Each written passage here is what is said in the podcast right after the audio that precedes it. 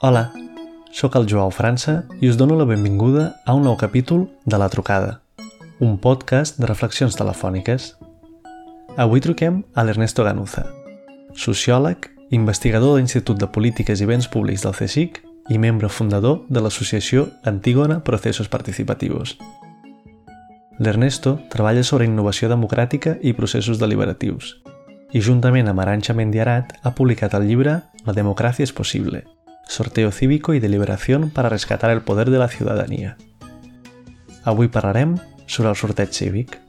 Truquem a l'Ernesto.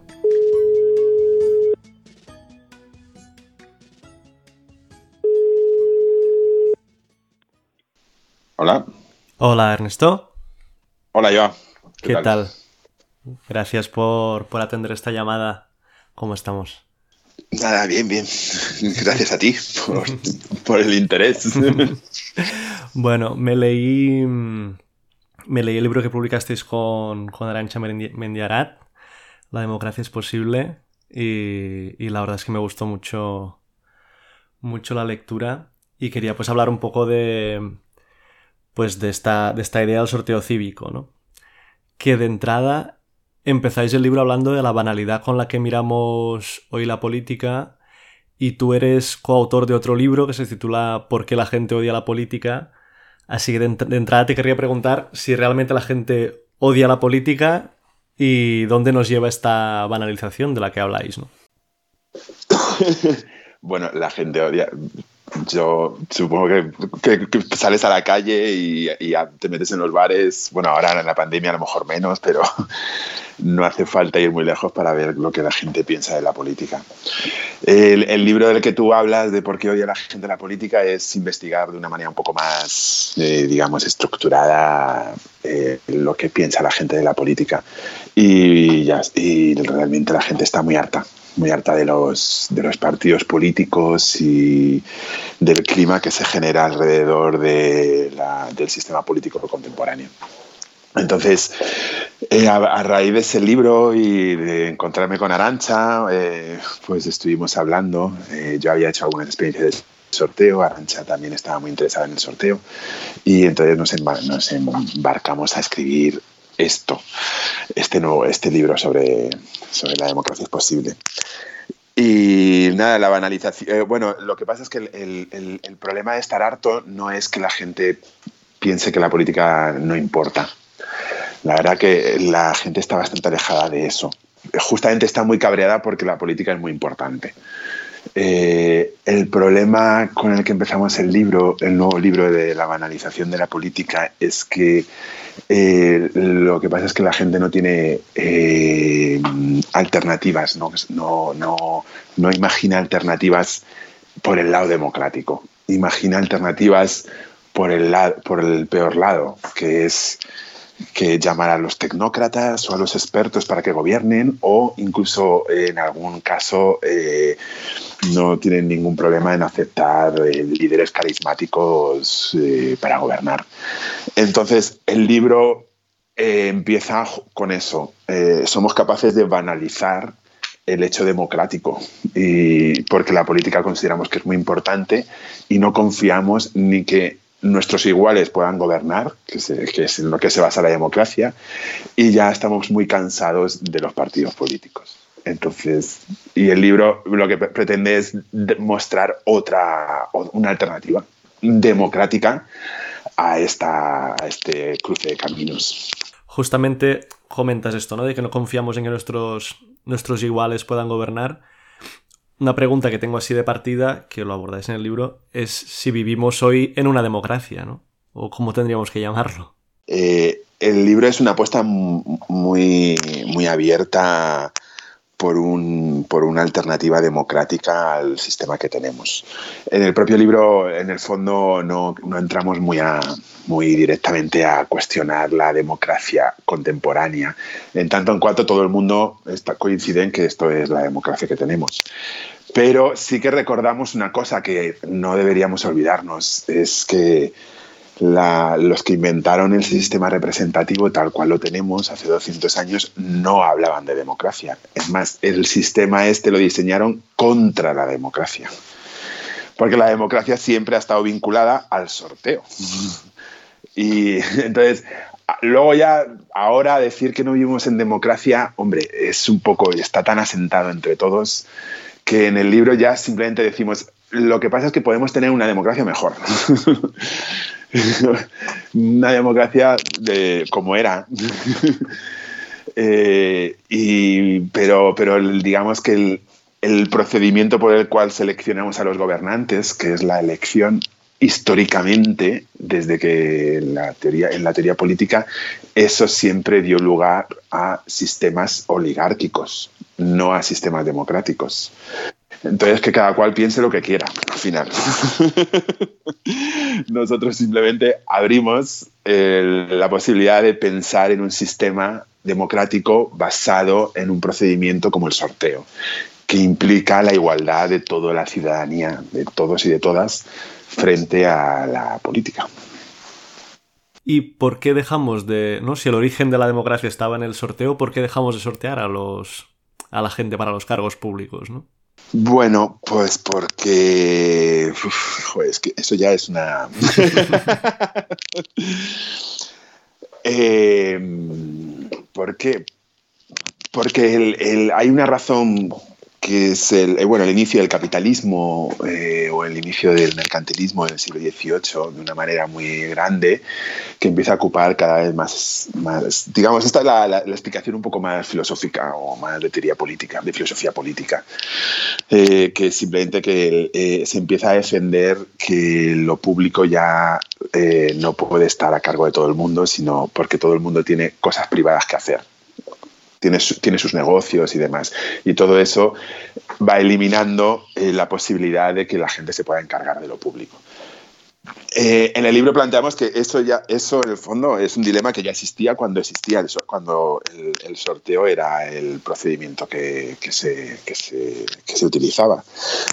Pero ha sido eh, el, el, desarrollo económico ha generado una, digamos, una burbuja enorme eh, de la economía y de lo privado que poco a poco, durante 200 años, ha ido ladeando por completo lo que es el espacio público. Y, hasta tal punto de que ya podemos banalizar sobre él. Y, casi no, y casi no importa en el fondo, la, teoría democrática más importante en el siglo XX, eh, que estuvo, fue hegemónica durante 50, 70 años, eh, directamente decía que los ciudadanos eran, no tenían ningún interés en lo, en lo público, que era mejor que no tuvieran opiniones eh, políticas y que se dedicaran a lo suyo y que dejaran gobernar a las élites.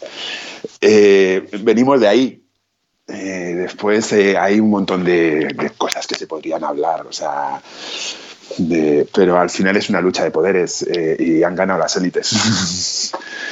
las élites nos están haciendo creyendo, nos están haciendo creer que vivimos en democracia, cuando no es así.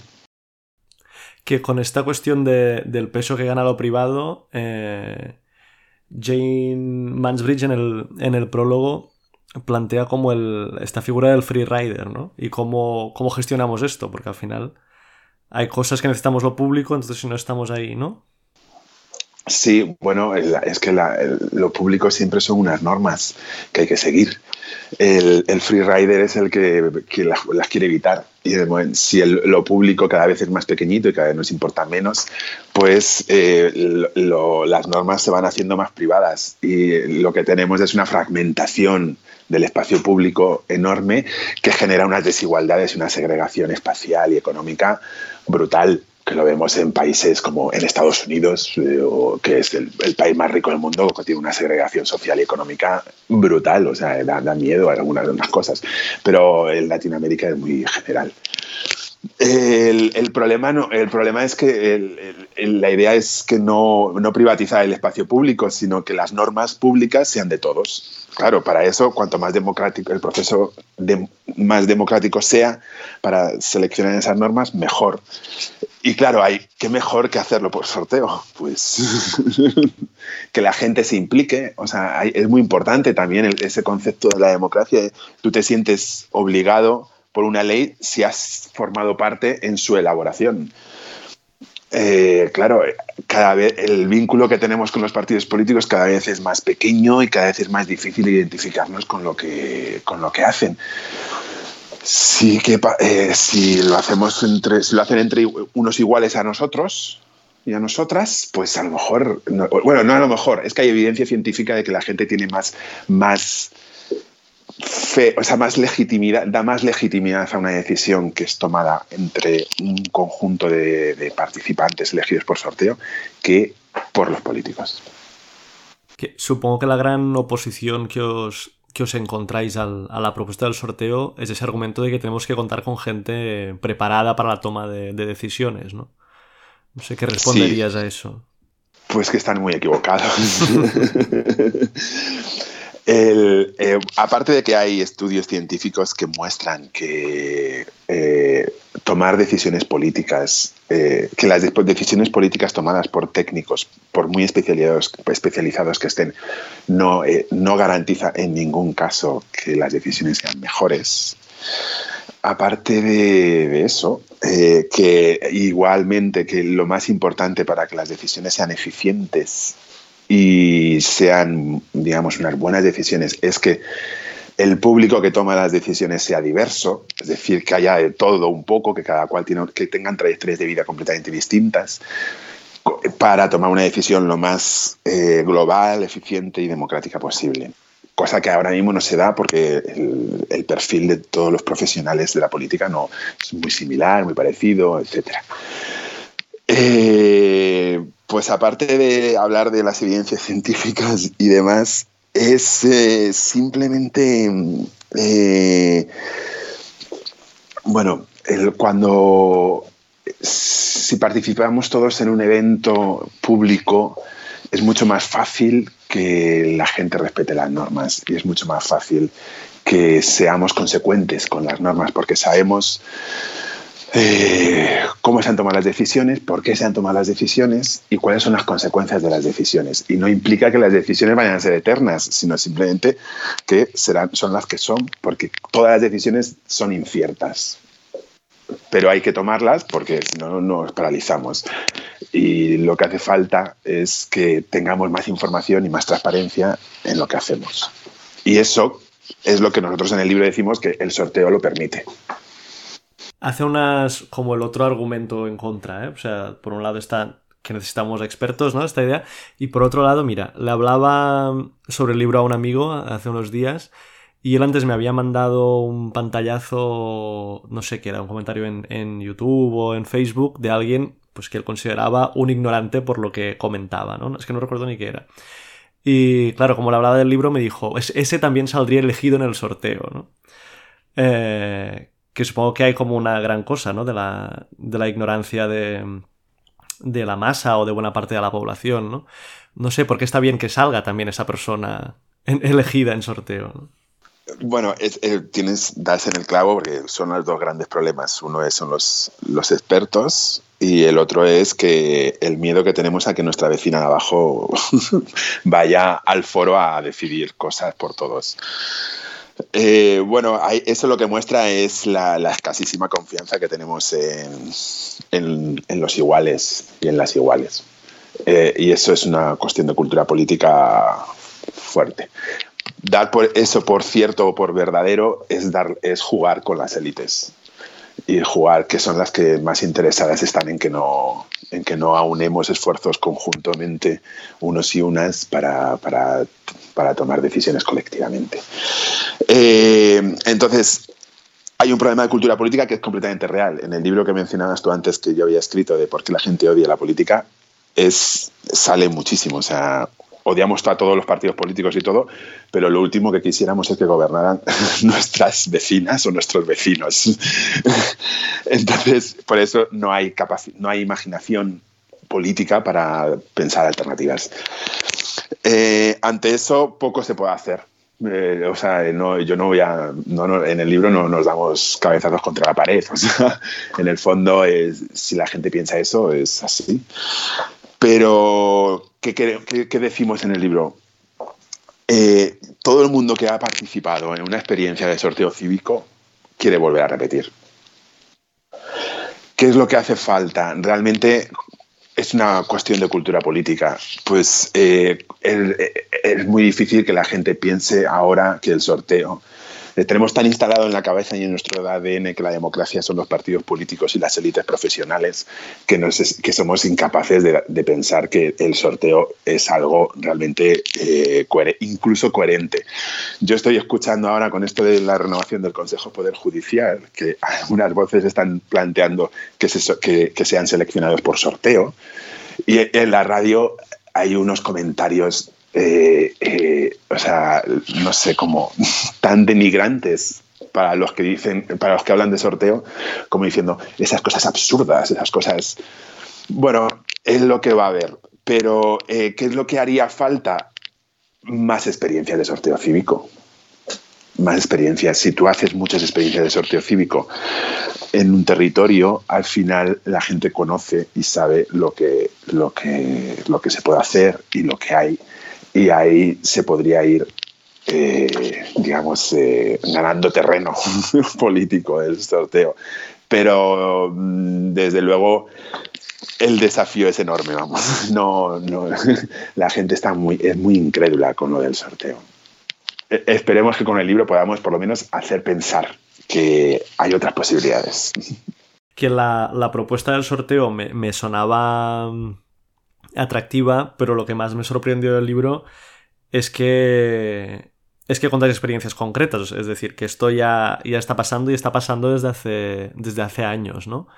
No sé si nos puedes, pues no sé, contar un par de ejemplos como para situar a la gente en cómo se ah, aplica sí, Por supuesto.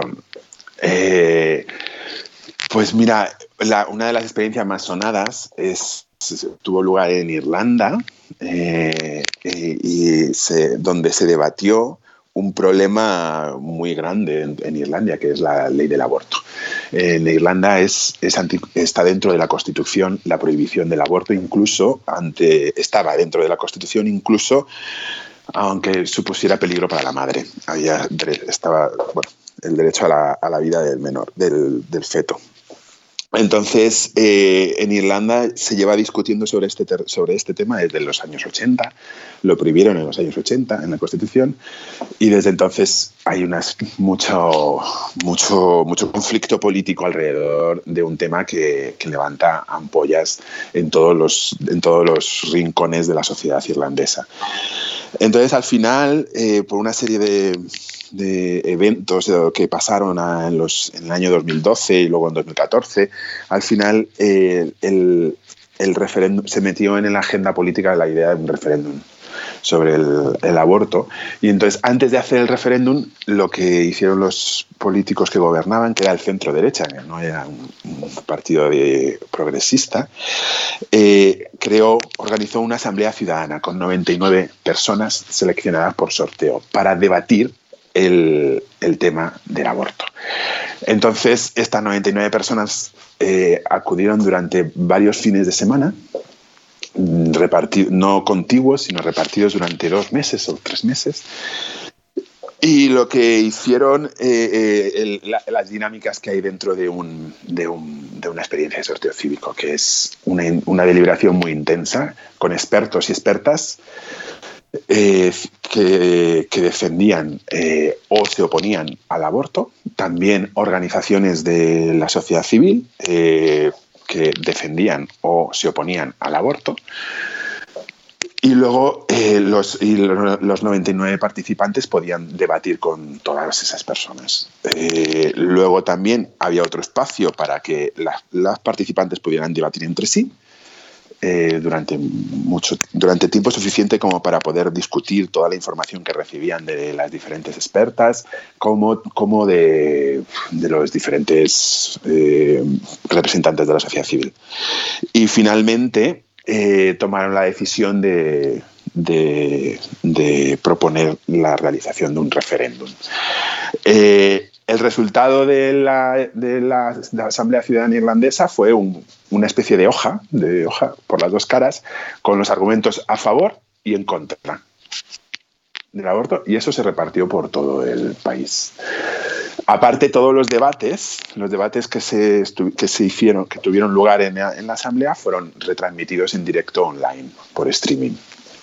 Con lo cual, al final, en el fondo, lo que era un problema social muy, muy gordo en, Irlanda, que, es una sociedad muy católica, pues eh, permitió que se allanara la, la polarización que producía el tema del aborto. Y, eh, finalmente en el 2018 eh, se tuvo lugar, se celebró el referéndum y ganó el sí, la despenalización del aborto en la Constitución por una mayoría bastante cualificada, el 66%, algo así. Votaron a favor.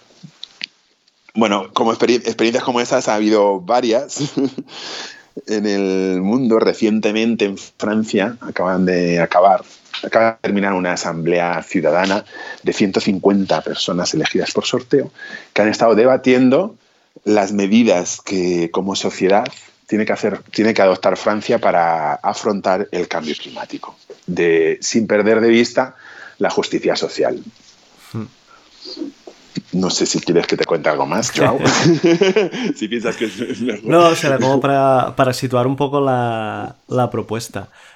Sí, bueno, hmm. hay un informe de la OCDE de, este año eh, que eh, plantea que ha habido 700 eh, experiencias de sorteo cívico en los últimos 10 años el, 50 el, 80% de las experiencias tienen lugar en los municipios, el 15% a nivel estatal y el 5% a nivel regional.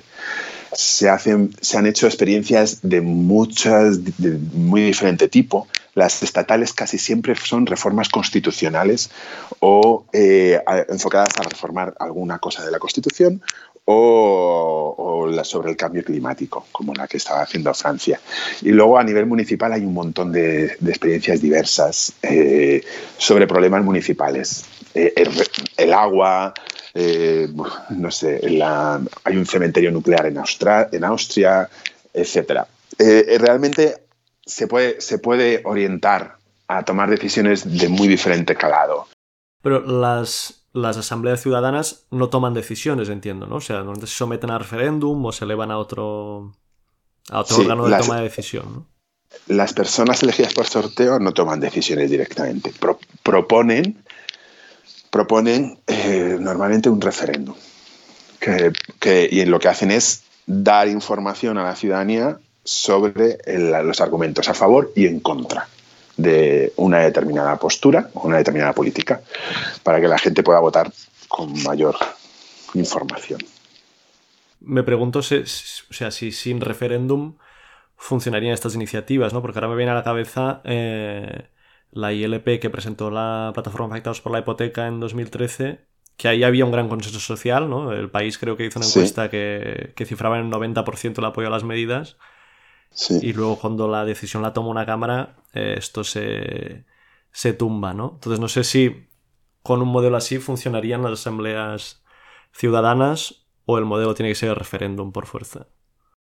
Eh, bueno, hasta ahora, desde lo, hasta ahora lo que se está planteando es como, eh, en esa secuencia. Los, los, participantes por sorteo debaten y después se lleva a referéndum eh, para que vote la para que vote la gente. No hay, eh, de todas maneras, el, cualquier otro, ahora mismo, por ejemplo, se están empezando a pensar eh, modelos o, sistemas políticos regidos solo por el sorteo, donde, por ejemplo, las diferentes cámaras políticas sean elegidas por sorteo, los diferentes que se puedan establecer sin perder, sin perder nunca de vista la lógica de los contrapesos políticos de los diferentes poderes, pero que los diferentes poderes sean elegidos por sorteo. Ahí seguramente cambiaría lo que, tú, lo que estamos hablando, porque hasta ahora el sorteo, las experiencias de sorteo cívico son, complementan el sistema representativo. ¿Y crees que podría llegar a, a sustituirlo? ¿Que tendría sentido? No sé.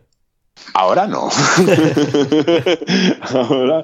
ahora, es imposible, pero la imaginación eh, ayuda mucho a pensar formas alternativas de, organizarnos políticamente. Una vez, una vez eh, tú puedes ver que es posible hacer eh, una experiencia de sorteo cívico, los beneficios que tiene eh, sistémicamente a nivel social y político el sorteo, yo no, vamos, yo no pienso que ya es, pues, es pensar eh, a gran escala, claro. Eso se puede hacer perfectamente. Es más, hay, hay libros ya que lo hacen, o sea, y artículos y teóricos políticos que ya lo están pensando.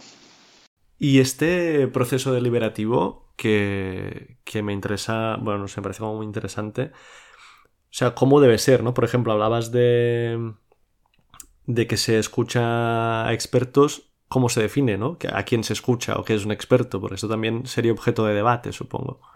Sí.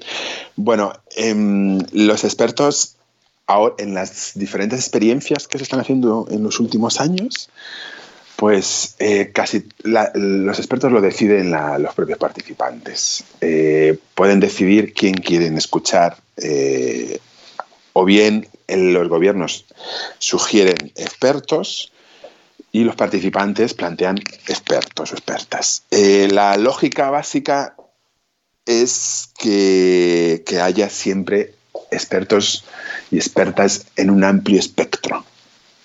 Es decir, que no llames, que no hayan solo los que están a favor, sino, sino los que estén en contra o los que estén o con los que tengan diferentes perspectivas, porque si no se pierde la riqueza de la deliberación. Eh, y ya está, o sea, el límite al final de, eso es eh, por eso siempre hablamos, cuando hablamos de expertos, hablamos también de científicos y científicas, pero también de representantes de la sociedad civil.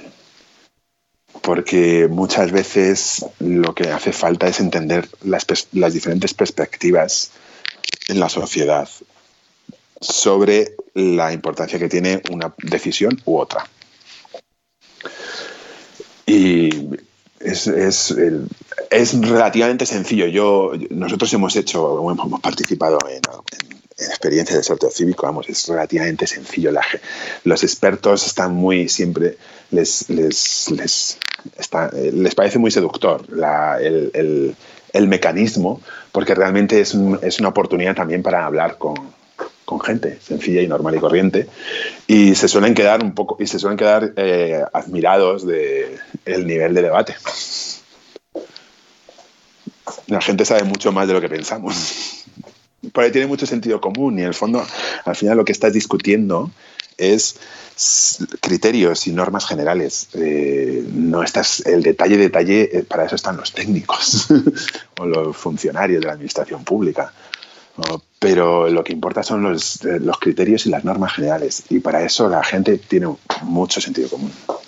Y estos procesos deliberativos, no sé qué tenemos que tener en cuenta para, para que funcionen bien, ¿no? Para que sean realmente una deliberación, ¿no?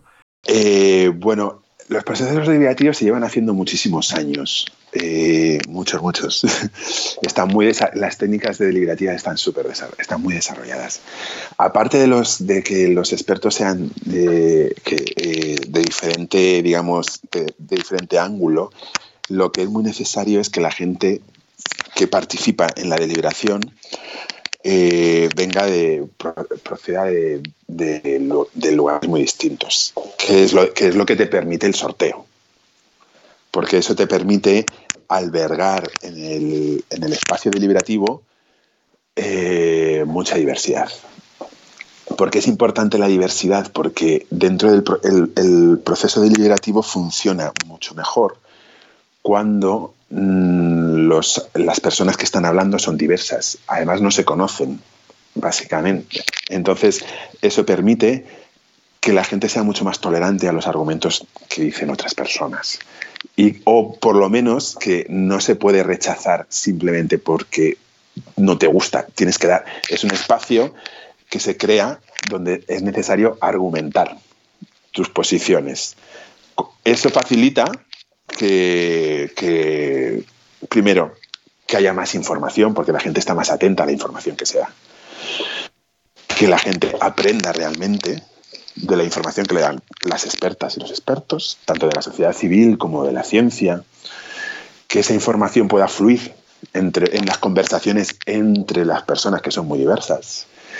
Y realmente eh, eh, se, eh, se, genera una dinámica deliberativa donde se va, tú puedes observar muy bien cómo se discute sobre argumentos con el objetivo de alcanzar una decisión lo más ecuánime posible que, que involucre a todos los que están presentes. Eso es lo que te permite un proceso deliberativo. Que me haces pensar si lo. O sea, si la explicación a la, a la polarización que vivimos en el debate público es una falta de diversidad en los espacios en los que, en los que debatimos. Bueno, es lo que decimos en el libro. es más, es que la, la, ley de... Hay un científico americano que, que, planteó hace 20 años o 30 años la ley de la polarización. Y la ley de la polarización es básicamente es eso, es la, el hecho de que no, no, tener no tener diversidad agudiza la polarización, porque siempre que te reúnes con gente que piensa como tú, por una serie de leyes psicológicas, que es que nos cuesta mucho enfrentarnos al, nos cuesta mucho enfrentarnos a, digamos al grupo, no vamos a es muy difícil llevar la contraria al grupo, como eh, nos, eh, nos cuesta mucho eh, eh, plantear alternativas al grupo. Desde ahí, eso acentúa la polarización de las posiciones preestablecidas. Cosa que no ayuda, que, y es lo que está más o menos pasando. Pero normalmente la gente dice que siempre que la polarización es por las personas, porque los políticos que tenemos no son así son, son así o porque son peores. Y bueno, las, las explicaciones individuales son siempre muy solícitas cuando no quieres realmente plantear alternativas sistémicas. y, claro, puede que algo influya, que podamos tener políticos peores que los que teníamos antes, pero en el fondo el sistema político de los partidos implícitamente conlleva, eh, conlleva una polarización. Eh, eh, y ahora lo que pasa es que el sistema, a lo mejor, sobre todo con el cambio que ha habido de los partidos políticos que hacen ahora primarias, a lo mejor eso ha acentuado la polarización sistémica. Pero claro, si tú y el problema de los partidos es el perfil de los que están discutiendo que son muy homogéneos. Casi todos son abogados funcionarios profesores o etcétera. Muchos hay, hay muchos datos eh, sobre el perfil de los representantes eh, en, el, en, el, Parlamento, en el Senado, eh, pero casi más de la mitad lleva más de cuatro o cinco años en, el, muchos años de carrera profesional.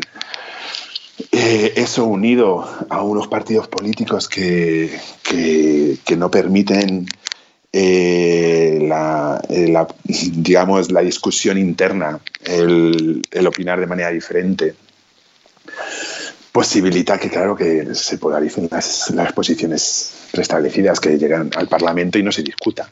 Por ejemplo, la, hoy se, la moción de censura de Vox, la situación del, del, del, PP, los diputados del PP todavía no saben lo que van a votar. Y, no, y, y ya, y, pero ya el líder de la oposición dice que no, no, se, no, se puede votar en conciencia, con lo cual no saben lo que van a votar hasta el minuto de antes que harán una señal con un, signo de, un, de, una mano en la, portavoz del grupo y todos al unísono, que es lo que suele pasar en, en los parlamentos. Claro, por lo menos eso eh, es muy triste que eso ocurra. en una sociedad que es hipercompleja, donde todos nos podemos informar con un clic, que tenemos un montón de información de gente de, de, de, donde no se le puede poner puertas al campo y que, y que los partidos políticos a lo mejor están simplificando demasiado la complejidad. Es, es demasiado. Eh, y necesitamos más información, más transparencia, más debate. Yo creo que la gente está mucho más preparada para, para soportar las contradicciones de la complejidad de lo que los partidos políticos quieren. Y al contrario, son un embudo que no nos permiten realmente establecer una, unas relaciones democráticas más sanas. Y que las cámaras legislativas al final son más comunicativas que deliberativas, supongo, ¿no? En el punto en el que estamos. Bueno, comunicativas, sí, bueno, entiendo la diferencia que haces y bueno, pues sí, desde luego deliberativas no lo son. Y, lo, además lo, lo, que resulta curioso es que las, hay, muchos, hay, muchos, hay muchos politólogos que te dicen que al final, en el, en el fondo, los, los políticos profesionales deliberan mucho más de lo que pensamos detrás de las pantallas. Eh, pero claro, yo lo que... Entonces, ¿para qué? ¿Por qué hacen eso? ¿Por qué no deliberan delante de las pantallas? Porque eh, eso es como contener... O sea, no ayuda, no ayuda, no facilita que la gente tenga confianza en la política y no ayuda en nada a, a generar un ambiente deliberativo, donde, que basado en argumentos, en razones. No, aquí cada cual está, coge su, su pica y y ala, y ya está, y no quiere saber nada más del otro. Hombre, a mí es eh, hoy día en el siglo XXI, con todo lo que tenemos alrededor de medios, de capacidades, de, tanto cognitivas como materiales y tecnológicas, eh, es, podemos, yo creo que podemos aspirar a más. Y eso es lo que es, el libro es eso, es, es decir, que podemos aspirar a organizarnos políticamente de una manera más democrática y que todos los problemas que dicen por los que no podemos aspirar a democratizar más el sistema político no son verdad. En este podcast no suelo tratar mucho temas de, actualidad, digamos, pero leyendo sobre la experiencia del referéndum en, en Irlanda, ¿no? con una cuestión que polarizaba mucho a la sociedad, pensaba, a lo mejor el sorteo es una buena herramienta para encontrar soluciones en relación a la independencia de Cataluña o al modelo territorial del, del Estado español? Yo estoy convencido. estoy convencido. O sea, el, en manos de los profesionales políticos es, es horroroso. está, siendo, está siendo horroroso. Yo, yo, para, yo que vivo en, en ahora que vivo en Madrid, pero vamos, vi, vi, en, cuando salió todo el procesismo y el independentismo, yo estaba en, en Andalucía viviendo es terrible. La gente no tiene ni idea, no sabe nada y se, y se, y se, y se, pone con un equipo y ala, ya está. es muy triste reducir la democracia a eso. ¿Y cómo nos imaginaríamos como un proceso para dar, para dar respuesta a este conflicto? Hay un, hay, hay un experimento que se ha hecho, que se hizo en Bélgica, que tiene un problema con el, los nacionalismos bastante fuerte contra, con, entre los, la parte de Flandes eh, francesa. Y, eh, y, hicieron un experimento sobre la capacidad que tenían los ciudadanos de diferentes eh, grupos identitarios para ponerse de acuerdo en medidas políticas. Y vamos, o sea, le, les, daban sopas con onda a los políticos. es más, fíjate que es curioso porque el sitio actualmente en el mundo donde más desarrollado está lo del sorteo cívico es en Bélgica. A lo mejor será por algo. es el, es, ¿Cuál es la. ¿Por qué? Porque la gente tiene mucho más sentido común. Y si tú estás discutiendo con una persona que es igual que tú, igual que tú en el sentido de político, no en el sentido social, o sea, el, en el sentido político, es decir, es un sujeto de derechos igual que tú, que además no, no, y que no puede sacar nada de esa reunión. No hay, no hay prebendas, no hay, y además no, hay, no puede hacer carrera política. Porque es en, el, en, el, en, el, sorteo es, es, es, va, va ligado a no hacer carrera política. Pues claro, es mucho más fácil llegar a puntos intermedios y a, y encuentros, de, y a encuentros razonados que satisfagan a todas las partes que con esta idea de que no puedes hacer carrera política eh, me haces pensar en cómo se hace sostenible la, la, participación de todo el mundo ahí, ¿no? Porque o por ley te dan días libres en el trabajo como en una mesa electoral o, o no bueno, sé cómo se ahora, hace eso, ¿no? Hasta ahora los, las experiencias, se, por ejemplo, la del cambio climático que decíamos eh, de Francia, que estuvo casi durante nueve meses, era un sábado cada mes. ¿No? Y ese sábado te pagaba el Estado una dieta como la que pagan a, a los, en España sería como la que pagan a los, a los que van a las mesas electorales. Pero vamos, pues es simplemente una dieta. Y luego eh, establecían, se reunían fines de semana para, digamos, facilitar que la gente pudiera acudir, siempre fin de semana, y habilitaban diferentes mecanismos eh, de cuidados para facilitar la, participación de las personas que tuvieran más problemas, como no solo eran guarderías, sino también o sea, espacios para que estudiaran los niños, no, no, no de una edad infantil, sino de otra, eh, etcétera, con el objeto de facilitar la participación. Pero y así, en, Irlanda fue exactamente igual. Eh, en todos los sitios hay, se dan dietas, una remuneración y luego medidas paliativas para los cuidados eh, que faciliten la participación de, las, mujeres y los hombres. Ernesto, llevamos unos 40 minutos hablando. Antes de, acabar, una, última cuestión. Eh, en el libro habláis de la revisión de iniciativas ciudadanas que hay en el estado de, de Oregón, en Estados Unidos, que simplemente plantea que un grupo de personas eh, elegidas por sorteo puedan consensuar argumentos a favor o en contra de una propuesta legislativa, ¿no? Como para informar a la ciudadanía. Y yo lo que pienso es si a lo mejor el sorteo cívico también nos podría sustituir a los periodistas. No, yo creo que no, yo creo que no. en absoluto, vamos, o sea, uff, yo no, yo estoy muy contento con que exista la libertad de expresión y la pluralidad. Es, es, un, es, un, bien que no tiene, no tiene precio y cuesta mucho mantenerlo. Y el, periodismo es esencial. el periodismo de todos los colores, o sea, el tuyo como el de otros medios que, no sean tan sensibles al sorteo. No, no, yo creo que el, problema del periodismo es otro. Eh, no, no, es la existencia del periodismo, sino es a lo mejor cómo se hace, podemos hablar, podemos tal, no sé, pero en absoluto eliminar el periodismo, vamos. No tanto eliminarlo, pero no sé si contribuimos a esta, esta polarización también, ¿no? Si estamos como reproduciendo la lógica de los partidos. Eso sí, eso yo creo que sí. eso creo que sí. Pero bueno, también, eh, eh, o sea, yo, yo que me creo mucho del sorteo y la deliberación, entonces yo unos días me compro el mundo, otros días me compro el, país, otros días leo el contexto, otros días el cuarto poder. o sea, voy leyendo mucho, como que es lo que nos permiten los medios.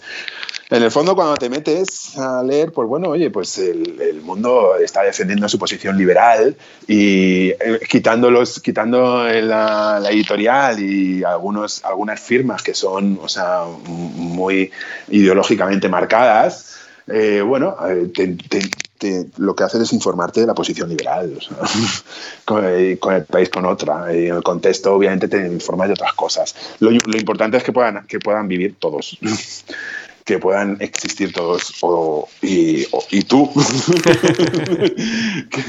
que, el, sois muy valientes, o sea, porque el ser freelance en este momento estoy muy valiente, vamos. Eso me, toda mi admiración, Joao. Gracias, pues espero, espero seguir existiendo. y yo, y yo por el bien de todos, por el bien de todos, por el bien de todos. Oye, Ernesto, pues muchas gracias. Un placer charlar contigo. A ti, Joao, por un encantadora la conversación. Venga, hasta pronto. Venga, chao. Hasta luego. Chao.